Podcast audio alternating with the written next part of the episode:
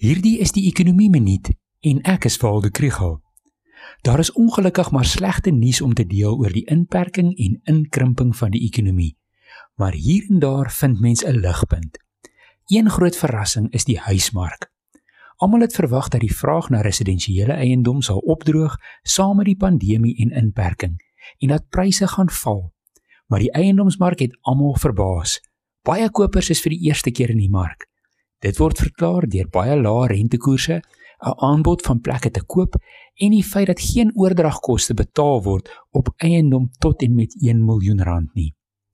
Net so blyk dit dat die inperking ook daartoe lei dat mense wat kan, ook 'n bietjie meer bestee op die inhoud van hulle huise. Die laaste 2 maande het verkope van meubels en huisware toegeneem. Topverkopers is toerusting vir die huiskantoor, soos 'n gemaklike stoel en dalk 'n boekrak soos wat almal meer by die huis kos maak, is kombuistoebehore ook gewild. Broodbak is weer 'n inding. Vir sommige is selfs die dekor belangrik. Jy wil nie sommer net meer uit die spaarkamer Zoom vergaderings hou nie, maar dink nou daaraan wat jou kollegas op die agtergrond sien. As jy meer van die ekonomie wil leer, volg die ekonomie blok.